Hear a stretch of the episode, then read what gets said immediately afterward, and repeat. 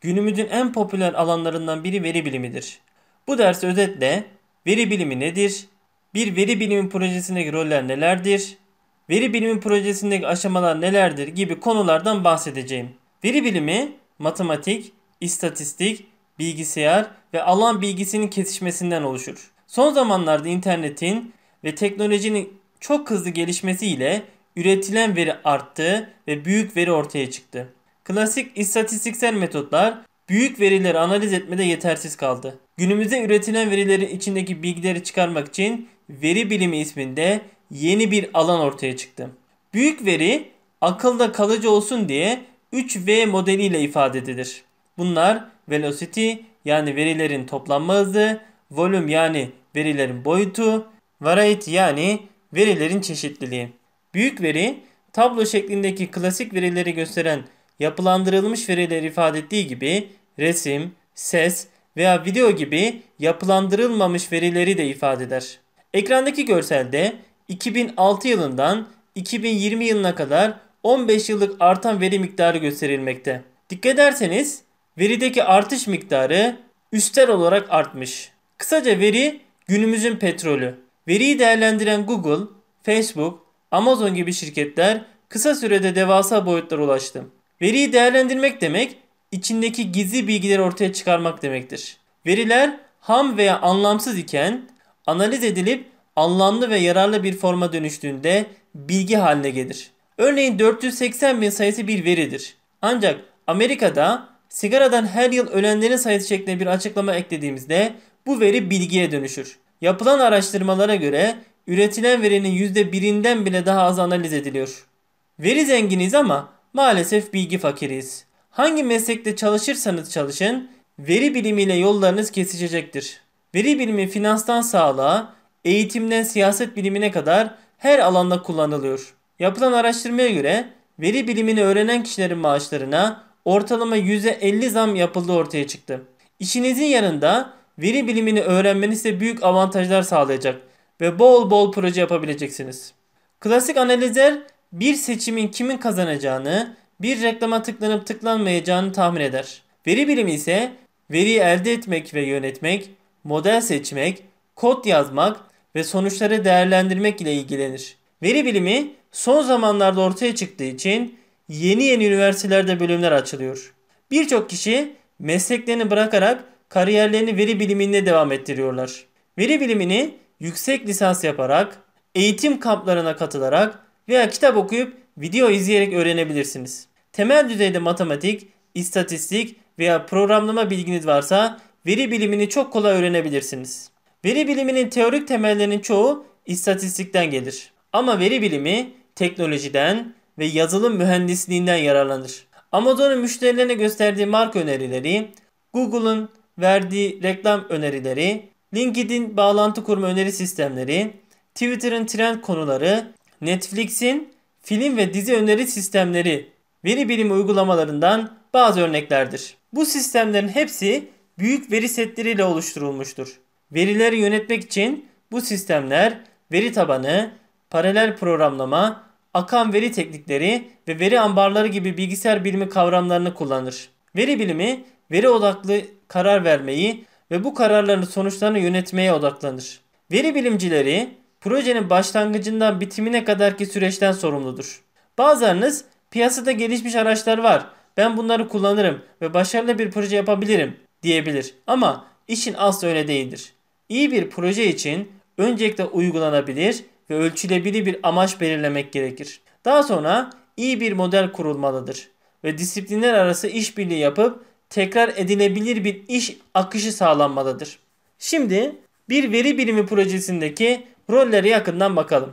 Veri bilimi projesinde birçok roller, beceriler ve kullanılan araçlar vardır. Bir veri bilimi projesindeki en önemli rol proje sponsorudur. Sponsor proje sonuçları ile ilgilenen ve ticari çıkarları temsil eden kişi ya da kurumdur. Örneğin kredi verme ile ilgili bir proje yapıyorsanız bir bankanın kredi verme departmanının başındaki kişi size sponsor olabilir. Sponsor projenin başarılı olup olmadığına karar vermekten sorumludur. Yaptığı projeye kendisi de sponsor olabilir. Ama bu durum çok uygun olmaz. Sponsor projenin amaçlarından memnunsa proje başarılı olmuş sayılır. Sponsoru proje boyunca bilgilendirmek ve proje ile ilişkilendirmek önemlidir. Projenin gidişatını, orta vadedeki hedefleri sponsorun anlayacağı şekilde anlatmanız projenin devamı için önemlidir. Sponsora sorular sorun, amaçlarını öğrenin ve bu amaçlara göre yol haritanızı belirleyin. Sponsor ticari çıkarları temsil ederken alan uzmanı modelin son kullanıcı tarafını temsil eder. Bazen projedeki sponsor ve alan uzmanı rollerini aynı kişi temsil edebilir.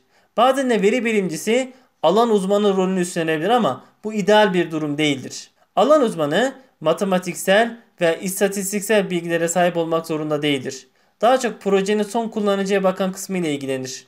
Örneğin alan uzmanı bankada müşterilere kredi veren bir memur olabilir. Projenin gidişatı hakkında sponsor bilgilendirildiği gibi alan uzmanı da bilgilendirilmelidir. Yapılan çalışmaları anlatmak için proje paydaşları ile düzenli toplantılar yapmak en iyisidir. Alan uzmanının önerilerini dikkate alın. Çünkü son kullanıcılar modelinizi kullanmazsa proje başarısız olur.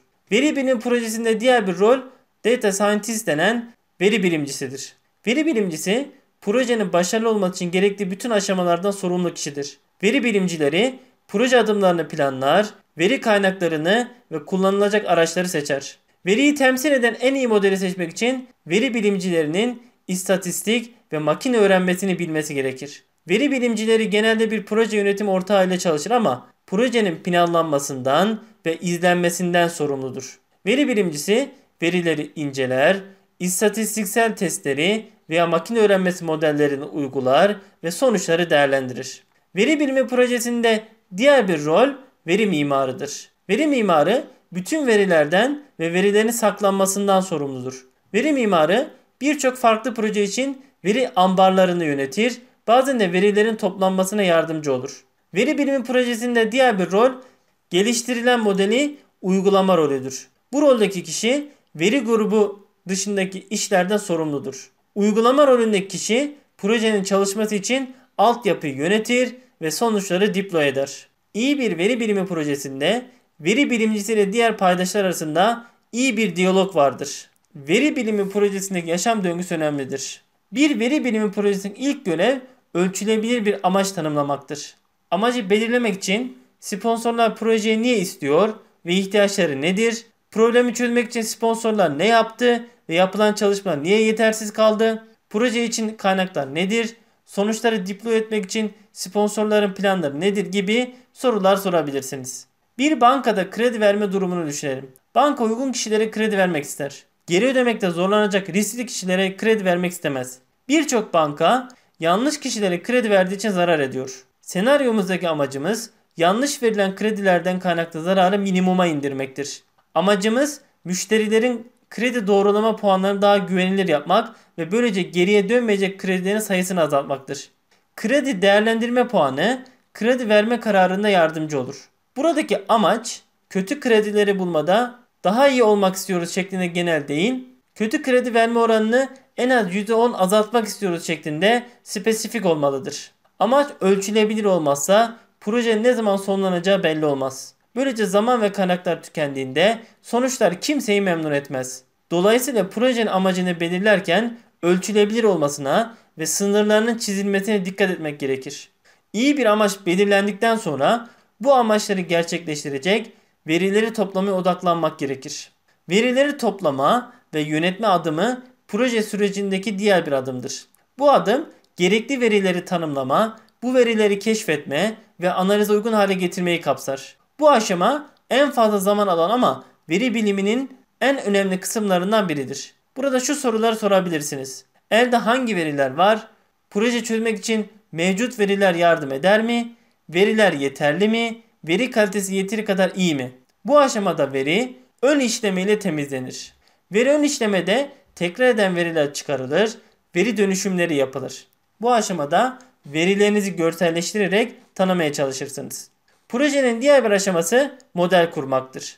Bu aşamada istatistik ve makine öğrenmesi yöntemleri kullanılır ve verilerden önemli bilgiler çıkarılmaya çalışılır. Bir problem için birden fazla model kullanılabilir. Bu modellerden hangisinin veriyi en iyi temsil ettiğini bulmak için veri temizleme ile modelleme aşamaları arasında git gel yapılır. En genel veri bilimi yöntemleri şunlardır. verilerin hangi kategoriye ait olduğunu bulmak için sınıflandırma, bir sayısal değeri tahmin etme, nesneleri en benzer kategorilere göre gruplama, verideki ilişkileri bulma. Bu görevlerden her biri için birkaç olası yaklaşım vardır. Örneğin bir müşteriye kredi verip vermeme bir sınıflandırma problemidir. Sınıflandırma için lojistik regresyon veya ağaç tabanlı metotlar kullanılır.